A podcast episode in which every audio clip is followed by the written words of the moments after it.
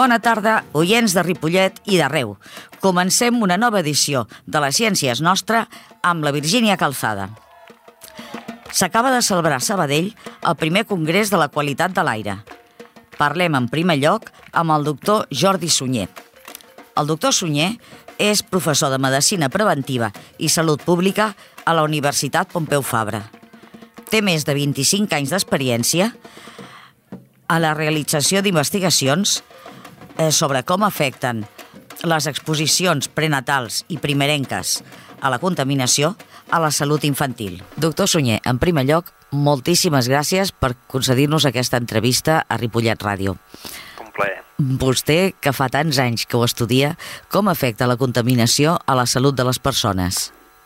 Bé, eh, això pot tenir efectes aguts, és a dir, que els dies que augmenta la contaminació ens pot provocar, per exemple, si un pateix de malalties respiratòries, doncs una exacerbació de la seva bronquitis o el seu asma, o si una persona eh, té una salut cardiovascular doncs, limitada, doncs pot fer de que això empitjori eh, la, la seva insuficiència cardíaca, etc. O pot tenir un efecte crònic, és a dir, que el viure en una ciutat que permanentment està més contaminada fa que la gent que hi viu tingui una desavantatge en termes d'esperança de vida, en termes de malalties cròniques, en termes de desenvolupament, respecte a gent que viu en zones en què l'aire és de més qualitat. Caram, això té a veure amb malaltia i té a veure amb desenvolupament, és a dir, sabem que la, la contaminació no, no només és font de malaltia, sinó que eh, el creixement de, de les nostres potencialitats, assolir un màxim de les funcions respiratòries, de les funcions del cervell, doncs no s'assoleix per, per mort de la contaminació. Caram, és, és molt fort això. I en el cas dels infants, concretament? Eh... A veure, a, a, la etapa prenatal, és a dir, la gestació i els primers anys de vida, són una etapa vulnerable, sobretot en el desenvolupament, és a dir, com els òrgans creixen i es desenvolupen. Si l'ambient és advers, no només per la contaminació, podria ser per altres factors, però, tam però també per la contaminació, doncs si hi ha major contaminació, nosaltres hem observat doncs, que aquests nens no assoleixen la seva màxima capacitat cognitiva, per exemple. És a dir, el seu cervell no és perfecte, eh, hi ha una certa dificultats en la integració de les diferents xarxes del cervell, etc, que fa que treballi amb una certa lentitud o, o també amb, amb una certa falta d'integració, o sigui, com si, si estigués desengreixat o hem vist que els pulmons no arriben a tenir la capacitat vital que tindrien si aquest nen hagués nascut o, o crescut en un lloc on hi hagués menys contaminació. Caram, o sigui, pot eh, provocar problemes d'aprenentatge... Eh... En els casos extrems, si hi ha altres factors coincidents, pot ser una gota més en desenvolupar problemes d'aprenentatge, eh, problemes de llenguatge, etc. Podria ser un contribuent més acabem de celebrar aquest congrés, el primer congrés de qualitat de l'aire que s'ha fet a Sabadell, que vostè ha fet la, la cluenda. Eh, creu que ens servirà aquest congrés per millorar una mica? veure, o, o tot el que hem de fer? Clar, el congrés va ser realment esperançador en el fet, en el fet de que va posar en contacte gent que pren decisions en les administracions locals, metropolitana i en la Generalitat, amb gent de l'àmbit de les associacions civils, eh, associacions de veïns, associacions ecologistes, gent de la universitat o del centre de recerca, enginyers experts en mobilitat, és a dir, va ser capaç de posar gent que parla diferents llenguatges en un mateix lloc i que es parlessin. Aleshores, això és bo perquè es desperten idees i iniciatives i fa que la gent obri la mentalitat. Eh, la traducció, home, això jo crec que eh, es produeixen els canvis a, a partir de molt, molts, molts estímuls. Aquest ha sigut un de més, però els canvis que, que necessitem que a mi em sembla que sobretot han de ser a nivell urbà, és a dir, el lideratge d'aquests canvis ha de ser en les ciutats. Eh, I aleshores necessitem al final, evidentment que les responsabilitats estan compartides i que, per exemple, el, les taxes, els impostos en els fuels, doncs això ho decideix el govern central i no pot decidir un ajuntament. Però sí que a nivell local hi ha la possibilitat de tenir projectes ambiciosos o on la qualitat de l'aire sigui una prioritat que eh, sigui un dels motors importants en una planificació i en una gestió municipal. No? Aleshores, això ho hem vist arrel d'Europa i, per exemple, hi ha ciutats a l'estat espanyol com Pontevedra que han sigut motor i líders en aquests canvis i que han demostrat que en la ciutat podria ser un molt bon motor perquè, per aconseguir això. I, i diguem-ne, està en mans de, de, de les administracions locals i aquesta és una de les conclusions, jo crec, del Congrés. Bé, a part de les administracions, com a ciutadans, nosaltres què podem fer? Quines accions podem començar a prendre a partir d'ara ja mateix?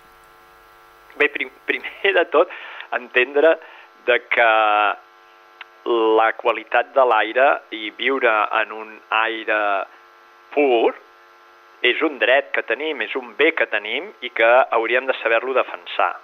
O sigui, valorar-lo i defensar-lo.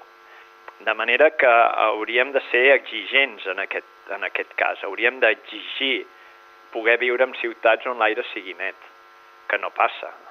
Eh? En mitjana tenim molts dies en què això no passa. I, i a partir d'aquí, doncs, home, ser corresponsables en, en, en aquesta en, en aquesta tasca. Evidentment que les intervencions han de ser col·lectives. Es poden fer intervencions individuals. Sí, si vols pots portar una mascareta si, com, si vius eh, en un lloc molt contaminat, però una mascareta és molt angoixós. Pots posar depuradors a dins de les escoles o pots posar depuradors de l'aire dins de casa teva, però això és un extrem que és molt ineficient. El que hem de fer és resoldre l'origen del problema. I l'origen del problema és, entre altres coses, com està fet l'urbanisme, aquí deixem l'espai públic, quin és el, el sistema de mobilitat que tenim, quins són els nostres hàbits, i en aquest sentit els ciutadans, jo crec que a més de valorar la qualitat de l'aire eh, i exigir tenir un aire eh, sa, un aire pur, doncs eh, podem actuar doncs, associant-nos i, i exigint canvis i després tenint una actitud responsable, però al final els canvis individuals han de ser un complement als canvis polítics, però evidentment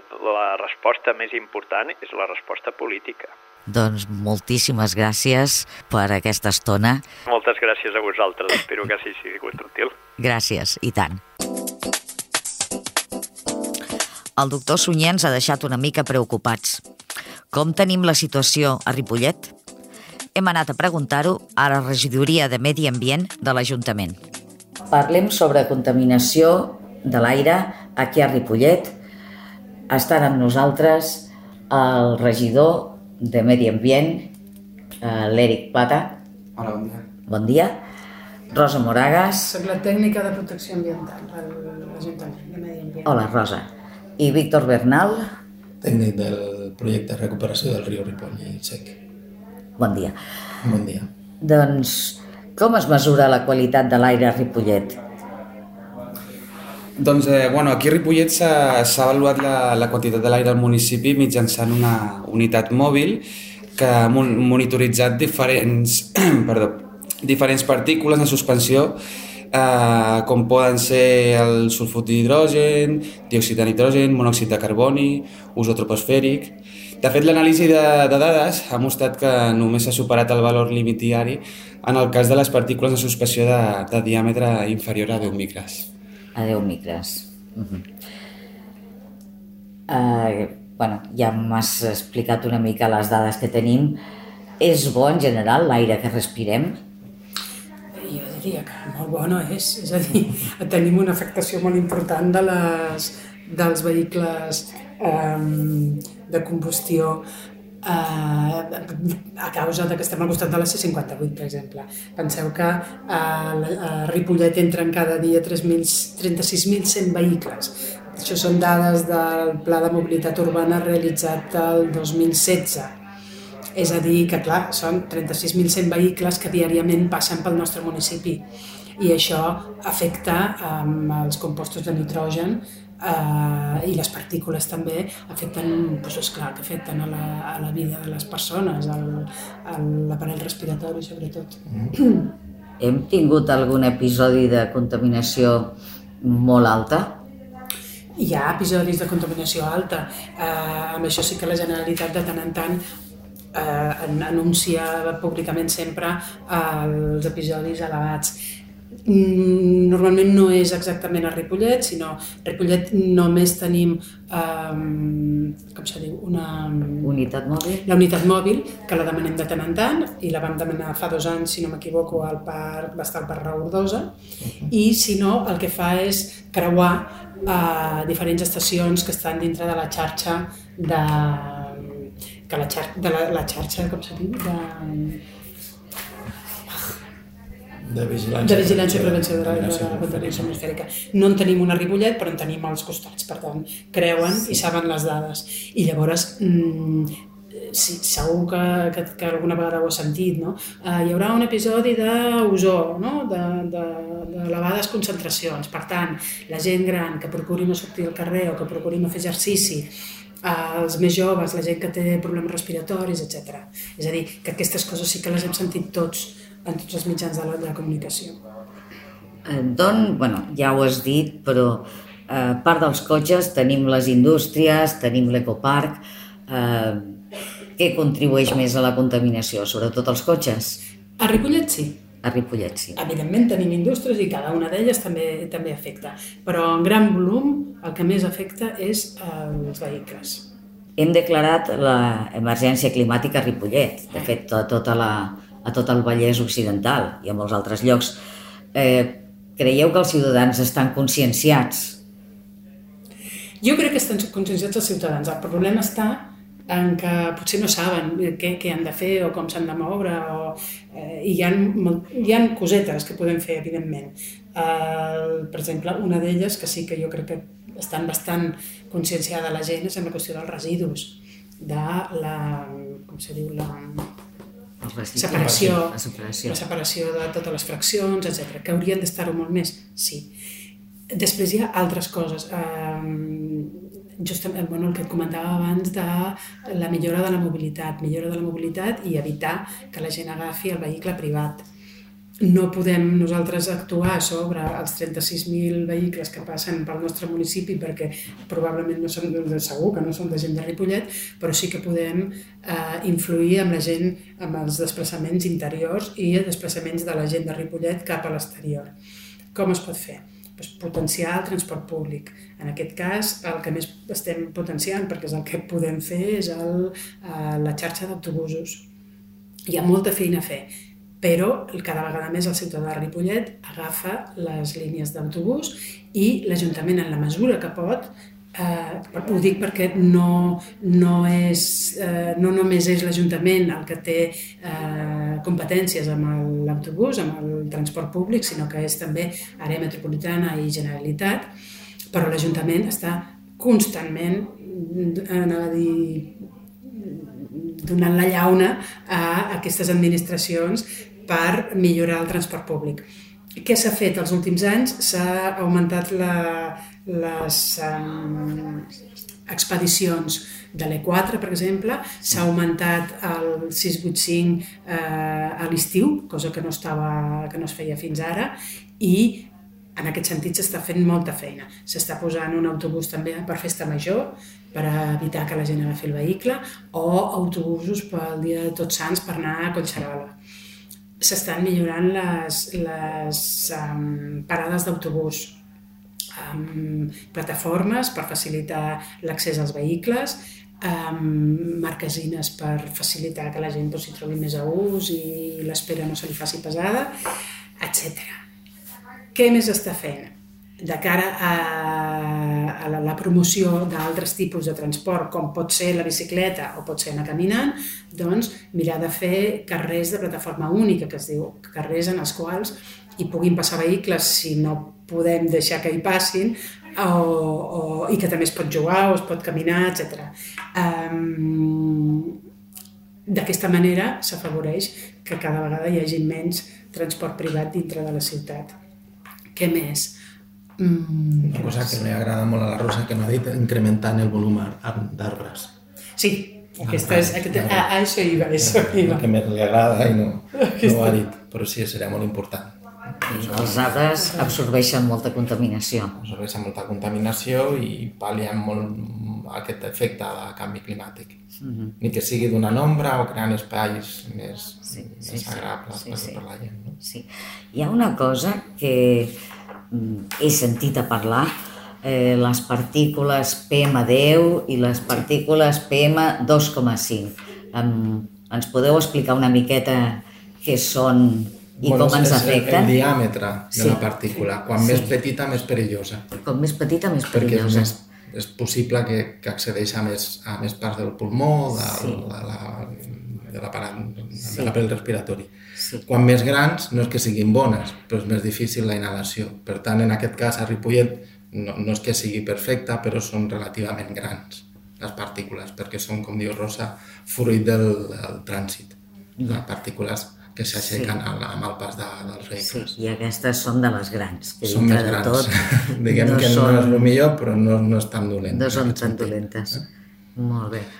Perquè... I, la, I la mida que demanaves és això, és la mida sí. del diàmetre de la partícula. Sí, de sí, més sí. gran a més petit. Sí. De les de petitones aquestes, les de 2,5, que en tenim dades... No seria el tipus de, de contaminació, perquè és trànsit i per tant no seria...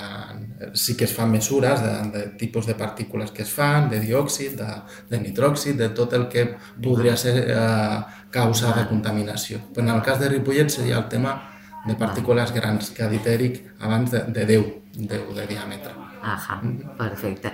Sí, ho dic perquè jo he consultat l'aplicació de, de la Generalitat sobre qualitat de l'aire i no hi havia dades d'aquestes no. petitones. Deu ser perquè aquestes no són relacionades no són amb habituals. pols, amb obres, amb aixecaments de, de terres, amb, amb produccions de determinades uh, partícules, que no és el cas, ni no de les és... indústries ni de la... No són habituals. No, en aquest cas no. Aquí. Aquí. Aquí. aquí entesos. Doncs, bueno, i finalment eh, ja han anat sortint un munt de coses, però alguna recomanació més que, que ens vulgueu fer als, sí. als ripolletens i ripolletenques. Caminar. Caminar. Caminar. Caminar.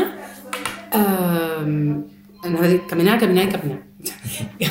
caminar i eh, i gaudir de les coses que tenim a Ripollet, gaudir del camí del riu, no? Uh mhm. -huh. gaudir del, del camí verd que passa per la, eh, el camí de la serra, gaudir del mirador que tenim a dalt, eh, a dalt de Pinatons, mirar què s'hi veu, s'hi veu de tot, es veu Montserrat, es veu la serra de Collserola, la serra de Marina, es veu absolutament tot, és molt bonic i, I és això, obrir els ulls, caminar, passejar, anar en bicicleta, jo què sé, mirar sí. els, els arbres que tenim. Sí, sí.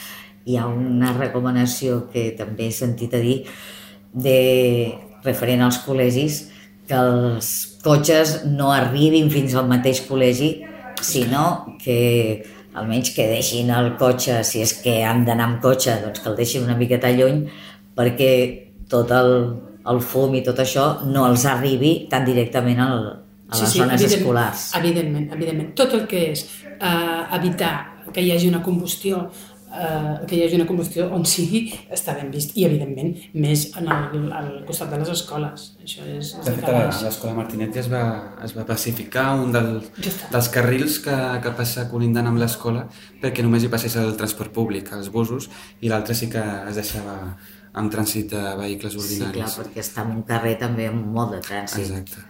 Clar. Sí, sí, aquest era un carrer amb, amb importància de, pel que fa al, a l'afectació al medi i aquesta mesura es va prendre, si no m'equivoco, fa dos anys ja, no? Sí, un parell, sí. I està funcionant molt bé. sí, sí. Voleu afegir alguna cosa més? No sé, jo penso que sobretot això, gaudir, que és el que ha dit la, la Rosa, de vegades no, no som conscients de, dels recursos que tenim al poble. És petit, però tenim moltes coses per, per valorar i per millorar, clar, i per, per gaudir. I tant que sí. Doncs moltíssimes gràcies per haver-nos concedit aquesta estona i seguirem donant-vos la llauna probablement més endavant. Gràcies. Gràcies.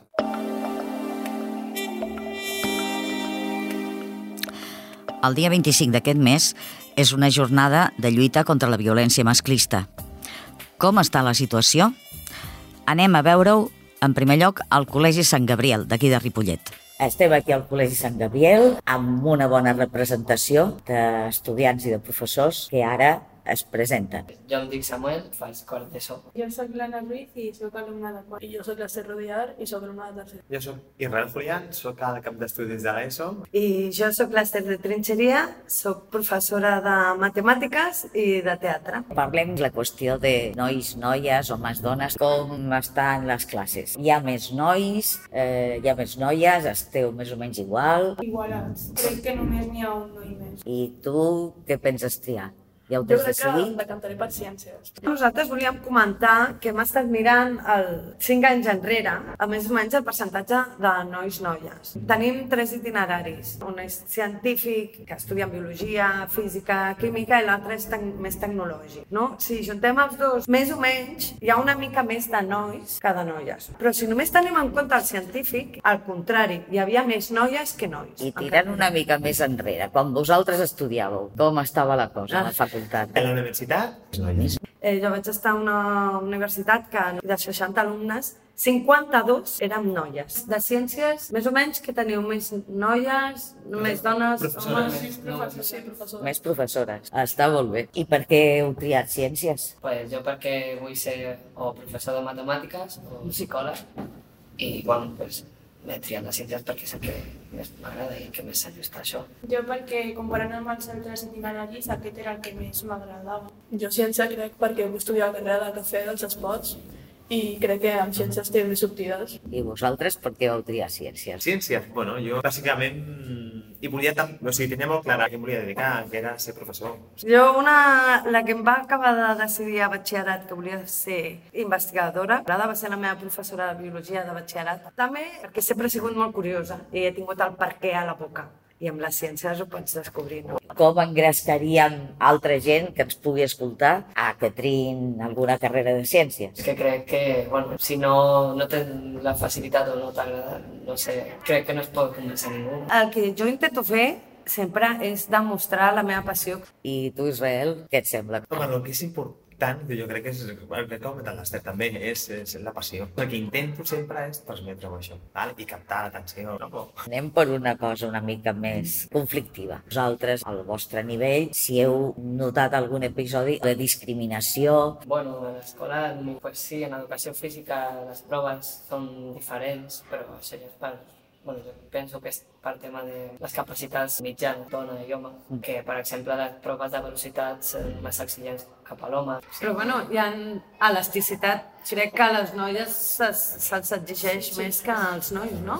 Al primer, segon i tercer, si passes de X nota, eh, aproves. Per a quart es fa la mitjana de nois, és l'aprovat. I la mitjana de noies és l'aprovat. i vosaltres, eh, entre els profes o, o quan estudiàveu, Bueno, jo desgraciadament tinc més anys que ells i, i llavors eh, he patit més situacions diferents que aquesta. Jo haver de tornar a casa patint per... A l'hi- a l'hivern no tant, però a l'estiu, depèn de què portis, i estar patint perquè t'estan seguint nois o perquè t'estan dient coses. A mi això i a altres companyes li ha passat molts cops. Si em poso a parlar del meu equip de vòlei, els nois reben molt més ajudes i molt més subvencions que el femení. La secció masculina rep més ajudes, eh, està més tornejos, està més present, té més patrocinadors que nosaltres. I després, bueno, si em poso a pensar en, en llocs de feina, depèn de com em vesteixo, eh, sí que rebo discriminació pel fet de ser dona i jove. Es fan alguns tipus de comentaris que jo crec que no s'haurien de fer. El que em sap greu és que també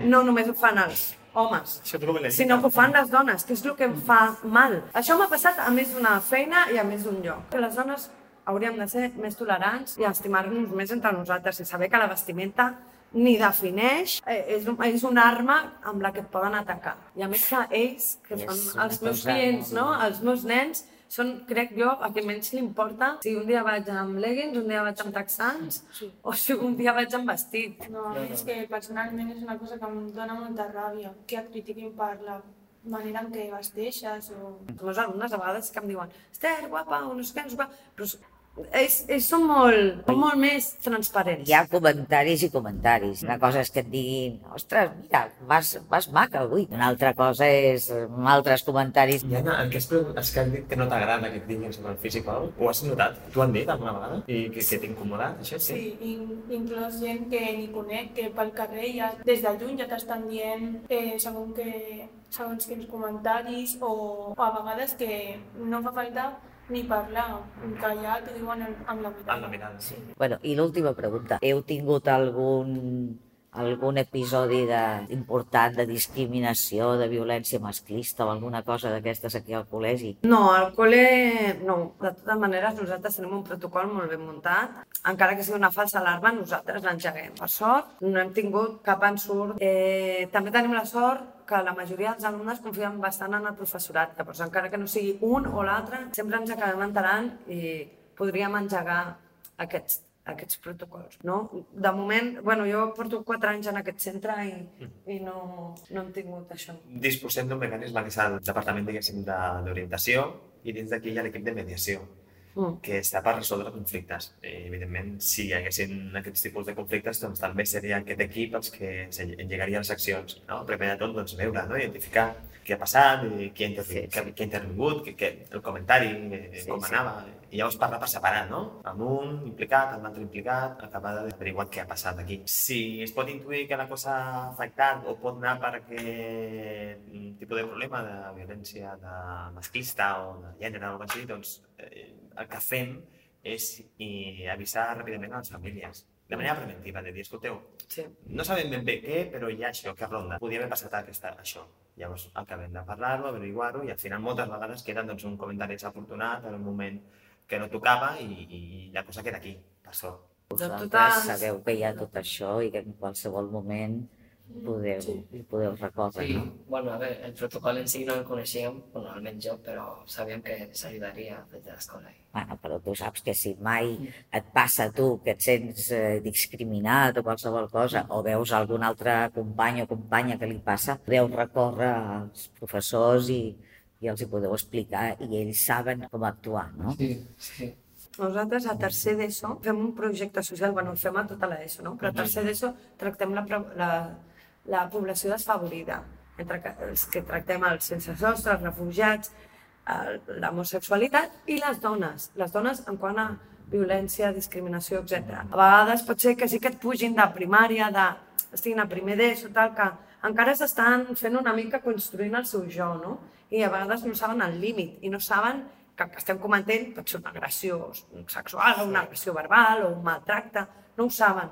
Però sí que he de dir que almenys jo tinc la sort que els alumnes que han passat per les meves mans en aquesta escola, quan hem treballat coses aquestes com el projecte social, bueno, i te n'adones que són molt sensibles i la majoria d'ells molt raonables i acaben molt conscienciats. No? Que l'important és canviar-los amb ells i, i jo crec que a poc a poc ho estem aconseguint. Bueno, i, I que les dones també estiguem conscienciades, I que tant. sapiguem, bueno, a, a quin lloc estem i que no ens deixem tampoc trepitjar i que si tenim una altra companya que veiem que, Uh -huh. que té algun problema, sapiguem estar al seu costat. En aquest tema insistim molt a el que deies, no? que a què poden recórrer, no? evidentment a tots els professors, perquè posar en marxa el que s'hagi de posar en marxa, però sobretot insistim en que no esperin a arribar a determinats punts o a determinades circumstàncies, que des del primer moment que passi alguna cosa que els incomoda o que, o, o que veuen que simplement hi ha alguna que no que no funciona, que ho avisin des d'aquest moment.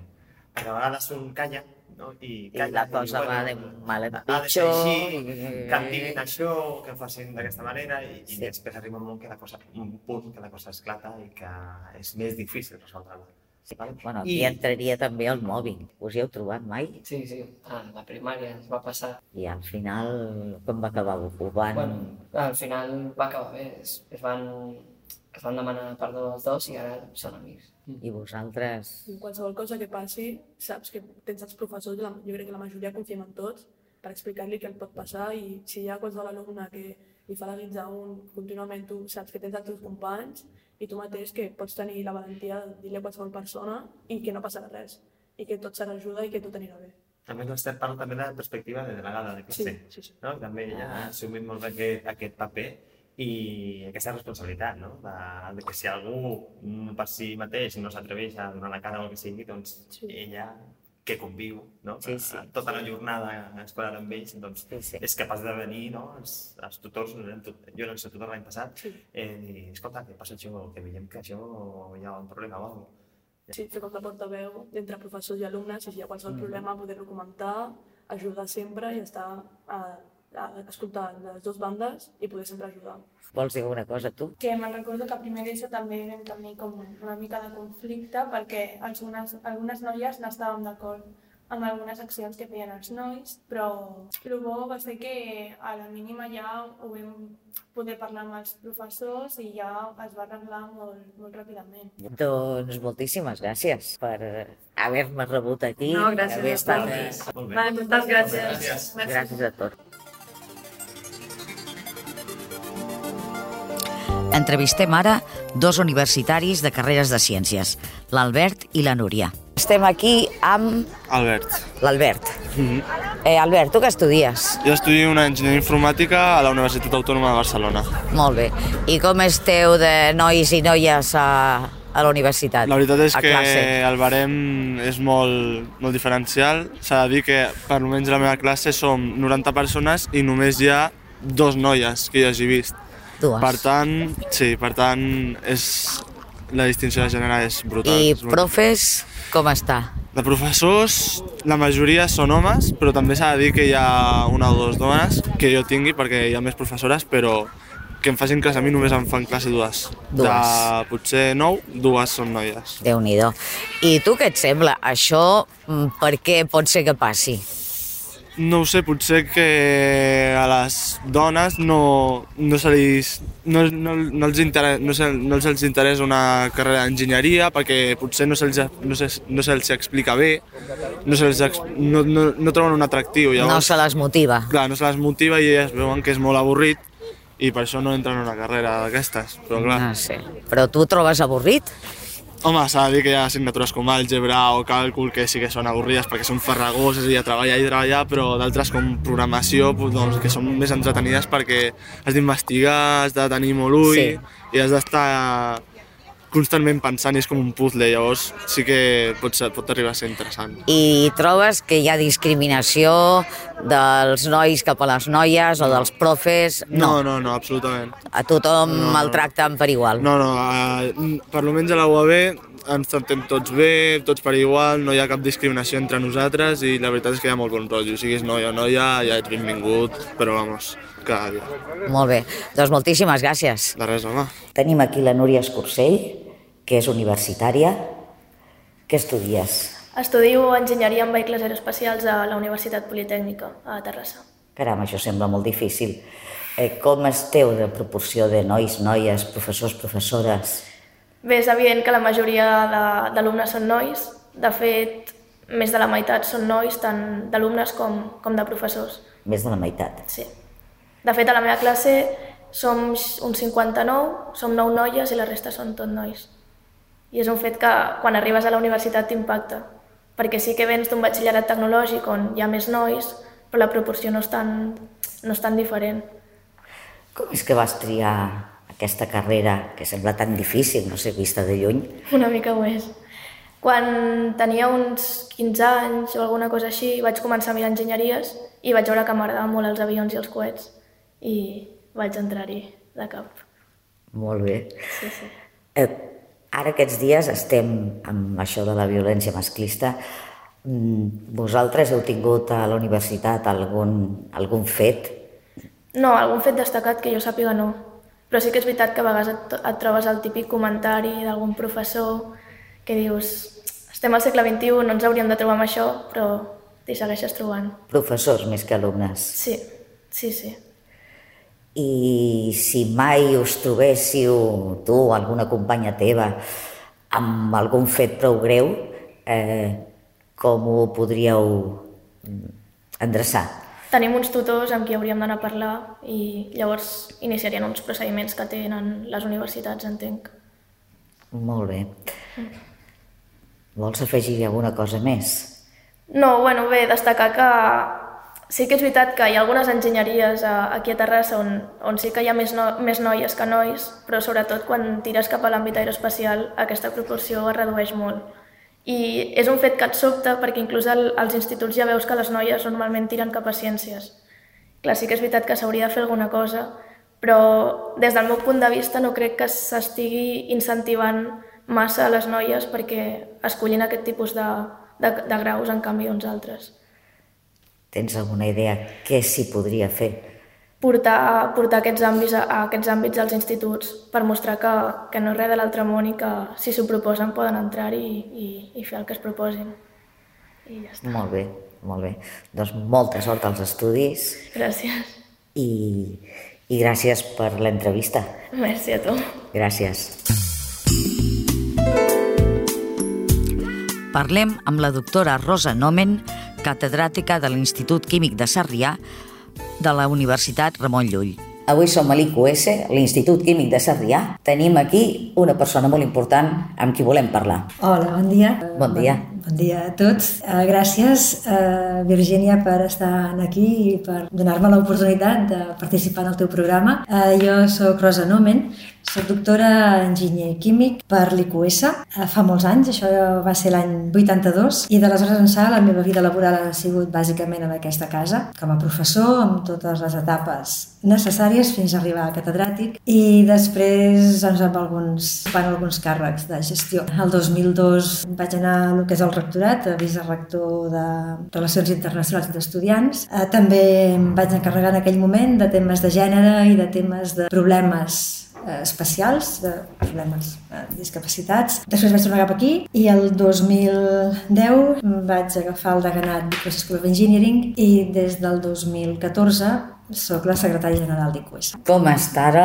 la proporció entre nois i noies estudiants i professors també? Perquè a les nostres èpoques nosaltres estàvem allà perdudes enmig d'una majoria imponent de, de nois uh -huh. i de professors. En, en global, ha millorat moltíssim. A la nostra època, a Virgínia, teníem, no arribàvem al 10% de noies a cada promoció. Avui depèn molt de la carrera que estiguem parlant. Nosaltres tenim que hi ha més proporció d'homes que continua sent enginyeria industrial. Administració i direcció d'empreses cap al 30-35. Aleshores ve enginyeria química i bio tecnologia que estem al 50%, 45-55 amunt avall però ens movem pràcticament 50-50 i després tenim farmàcia que tenim un 20% de nois. O sigui, al contrari. En promig podríem dir que tenim 50-50, que seria lo normal. I entre els professors? Doncs entre els professors, déu nhi En el món acadèmic hi ha un efecte molt, molt estudiat, que és l'efecte tisora. Aleshores, si nosaltres ens posem a les diferents etapes de lo que és el món acadèmic, doncs des que entres a, a la universitat, doctorat, eh, professor ajudant, professor titular i catedràtic, més o menys cap a, entre el que és el professor ajudant i el titular, es creuen. Eh? O sigui, primer tindríem que la proporció seria una mica favorable per les dones, fet la proporció no és 50-50, hi ha una mica més de dones que d'homes en el global, doncs això es manté en els primers cursos, aquesta diferència es va juntant i quan arribes hi ha titulars i catedràtics, hi ha molt més catedràtics homes que no pas dones. Aquest punt final, això encara no ho hem revertit. La proporció que tenim en global no estem al 50-50, el que és amb catedràtics, però en les primeres etapes de professorat sí, absolutament sí, i ha catedràtics però hi ha una mica més d'homes que de dones. I això per què et sembla que passa?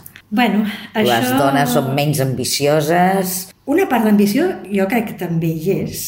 Sí que som ambicioses, però, però pel camí et trobes en situacions que posats a la balança Dius, bueno, si he de deixar alguna cosa, el que no deixaré serà l'atenció al fill, a la parella, la als pares, als, als germans, és a la família. Això la dona...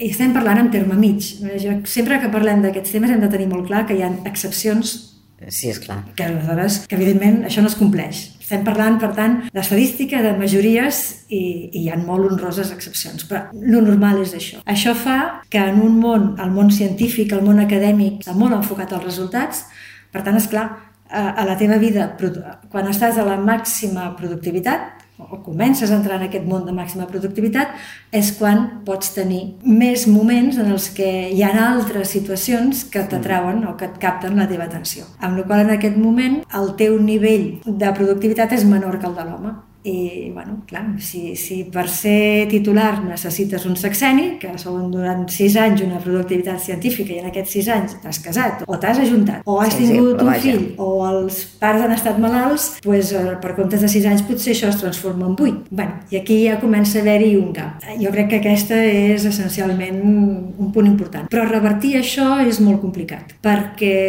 és clar, per arribar a titular necessites haver demostrat una colla de coses és clar, aleshores... Tampoc no pots mm, rebaixar els requisits. No pots rebaixar els requisits. No, clar. Uh, aleshores, clar, s'està anant per dir, bé, doncs valorem no només quantitativament, sinó també valorem la qualitat. Això, els anys que vaig ser vicerectora, vam plantejar, jo estava dins del Consell Interuniversitari a la Comissió Dona i Ciència, que la vam engegar en aquella època, i aquest va ser un punt dels, dels que hi vam arribar i vam dir sí, però encara no és el moment de fer un model diferent. S'han d'avaluar molts aspectes, no es pot dir, doncs vinga, va, ara avaluarem arribar a ser titular de no sé quina manera. No? I clar, és, és complex. Eh, S'ha de fer un estudi molt ben fet, valorar realment totes les etapes, totes les, les qualitats que ha de tenir aquest professor i aleshores proposar un altre model d'avaluació. De moment no el tenim. El dia 25, que és el dia de lluita contra la violència masclista, com estem aquí al Químic de Sarrià? Se n'han donat casos? Teniu protocols establerts per si es donessin? Afortunadament no hem tingut un cas de violència masclista seriós, ni declarat, ni que hàgim tingut d'activar algun protocol molt especial. I això realment me'n sento orgullosa perquè, bueno, perquè realment pot ser sort o pot ser que hi ha mecanismes de, de, de vigilància, d'atenció que et fan estar alerta i de prevenció. Que, i de prevenció. Poso que una mica el sistema des de fa molts anys, a la nostra època no existia un tutor personal com tenim ara, però sí que és veritat que també el professorat estava sempre molt, sí. molt disponible i sempre podies accedir per qualsevol cosa que, sí. que et preocupés en aquell moment, que podien ser un problema que no et sortia o una inquietud professional o, o, o fins i tot d'altre tipus. No? Aleshores, clar, a primer, tots els cursos de primer de grau eh, tenim el tutor de curs, un tutor per si hi ha problemes especials, doncs una encarrega dels alumnes amb necessitats especials i a partir de segon, segon, tercer i quart o cinquè, també en el cas de farmàcia, tenim un tutor personal. Una persona és un professor que el tens durant tota la resta de la carrera. Això posem les dues llistes i assignem tants i tants i tants, però si algú diu, ui, jo aquesta persona preferiria no anar-hi, voldria canviar perquè el primer conec a tal persona i m'encantaria seguir, doncs canviem sense cap problema. A vegades passa, normalment no. I per tant hem posat els mecanismes perquè es pugui establir una relació la que vol l'alumne. Sempre diem que la tutoria és per si se'ns necessita, no, no és la tutoria de l'escola, que cada setmana has de fer tutoria, no, no, Déu mos en guard. Eh?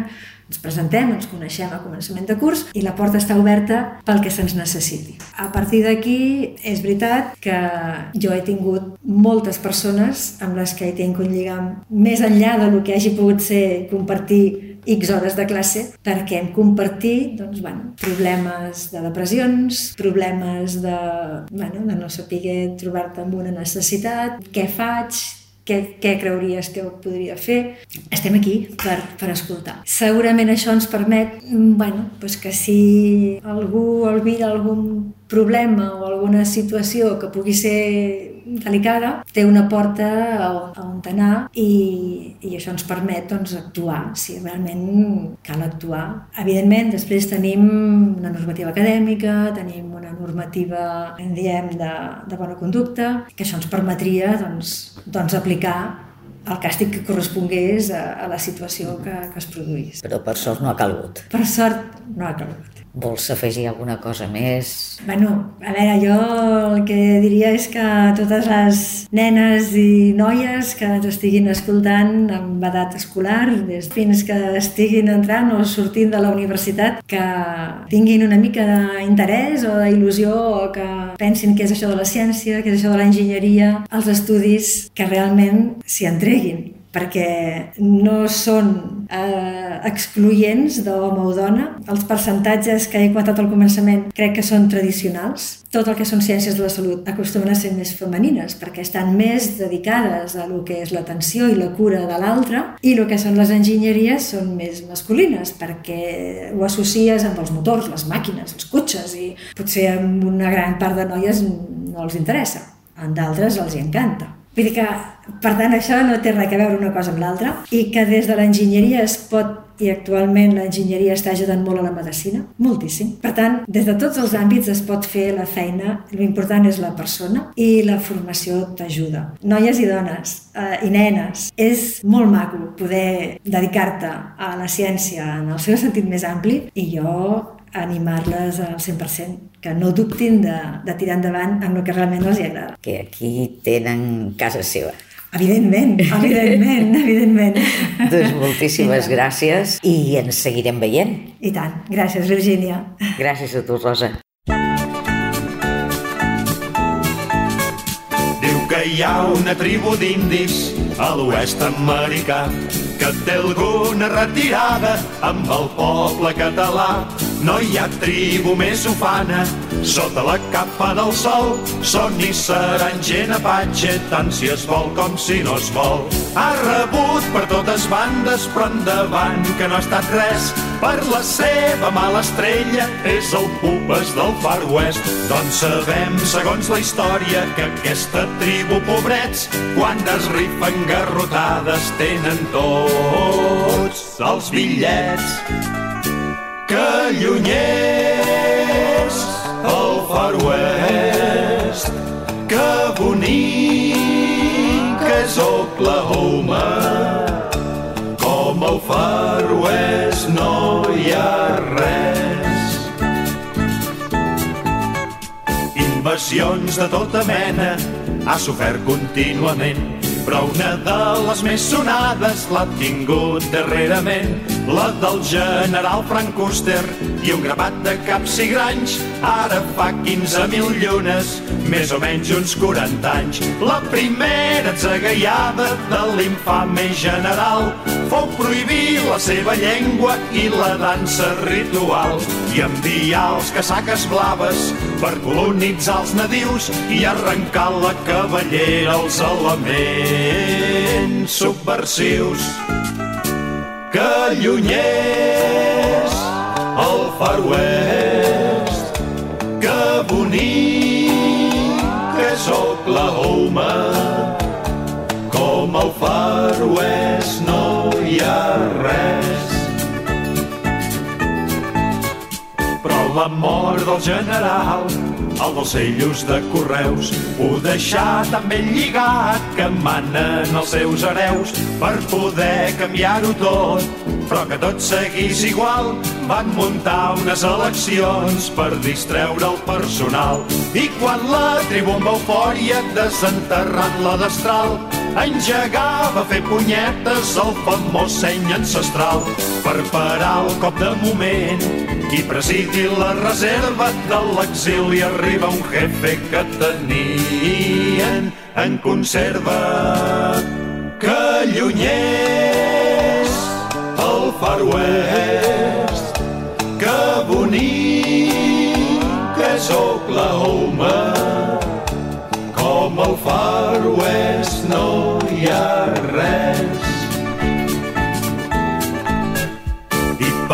serenar els ànims d'aquest poble tan tossut es firma un tractat de pau que li diuen l'Estatut, però com sempre passa al cine, a l'hora de la veritat, els tractats amb rostres pàl·lids només són paper mullat. I ara es volen tirar enrere perquè diu que som un cas. I quan se'ns dona un ditet ens agafem tot el braç. I de tant que recomanen prudència i moderació ja no estem desencantats, ara estem cagats de por. Doncs no volen que fem l'índio i amenacen cada dia que vindrà si no estem quiets el set de cavalleria. Que vindrà si no estem quiets el set de cavalleria. Que vindrà si no estem quiets el set de cavalleria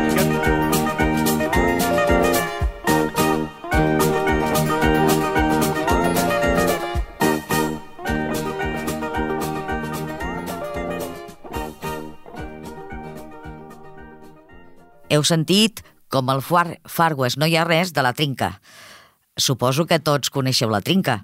Doncs el que no sé si sabeu és que el Josep Maria Mainat, el Ros de la trinca, eh, va publicar un llibre que es diu Ciència optimista.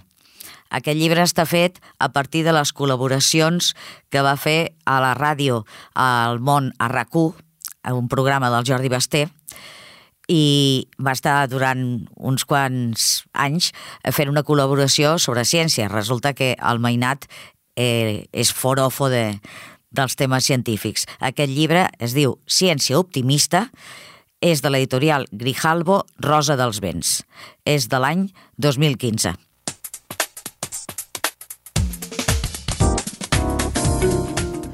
Ha arribat el moment dels infants. L'experiment d'avui és molt senzill heu d'agafar una taronja de pell gruixuda i una gerra on hi càpiga la taronja. Ompliu la gerra d'aigua, no fins dalt de tot, i poseu la taronja i veureu que sura.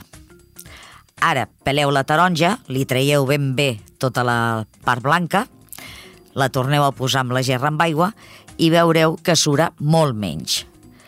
Per què passa això? Doncs passa perquè la pell de la taronja eh, li fa com de salvavides, perquè té una estructura que és com una esponja, i a dintre hi té aire, i això fa que la taronja suri més. Si no us en sortiu amb la taronja, podeu provar també amb una poma i veureu que també les pomes suren per la mateixa raó, perquè tenen una estructura eh, que és com esponjosa. Fins aquí el programa d'avui i ens tornem a veure el proper dia, d'aquí més o menys un mes. Recordeu, el, el tercer dimarts de cada mes, a la Ciència és nostra, amb la Virgínia Calzada i l'ajut inestimable del tècnic de so Jordi Puy. A reveure!